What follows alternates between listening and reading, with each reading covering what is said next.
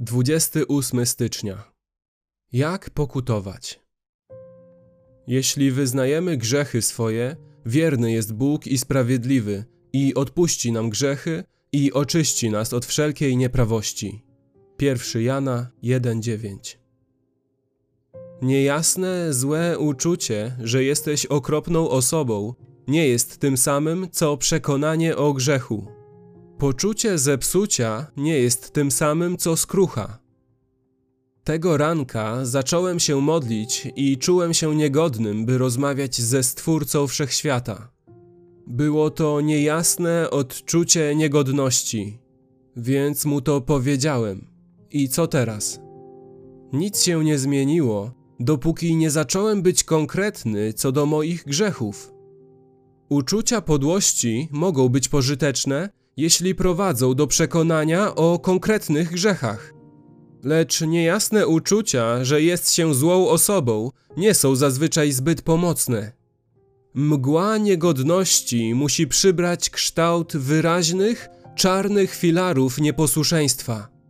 Wtedy możesz je wskazać, pokutować i prosić o przebaczenie i wycelować w nie swoją bazuką Ewangelii, by wysadzić je w powietrze.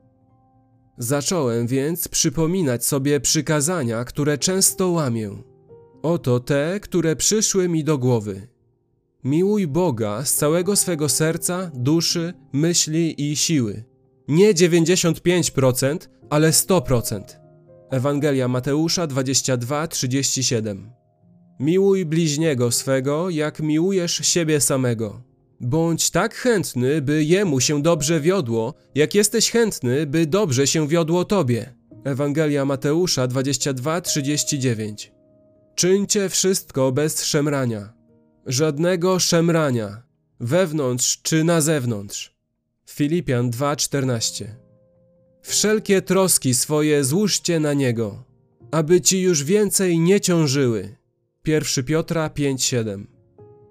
Mów tylko to, co przynosi błogosławieństwo innym, szczególnie tym najbliższym Tobie. Efezjan 4:29. Wykorzystuj czas, nie marnuj minut, nie próżnuj. Efezjan 5:16. To by było na tyle, jeśli chodzi o jakiekolwiek pozory wielkiej świętości. Jestem skończony. To jest dużo gorsze niż niejasne, okropne uczucia. Ach, lecz teraz wróg jest widoczny. Grzechy są konkretne.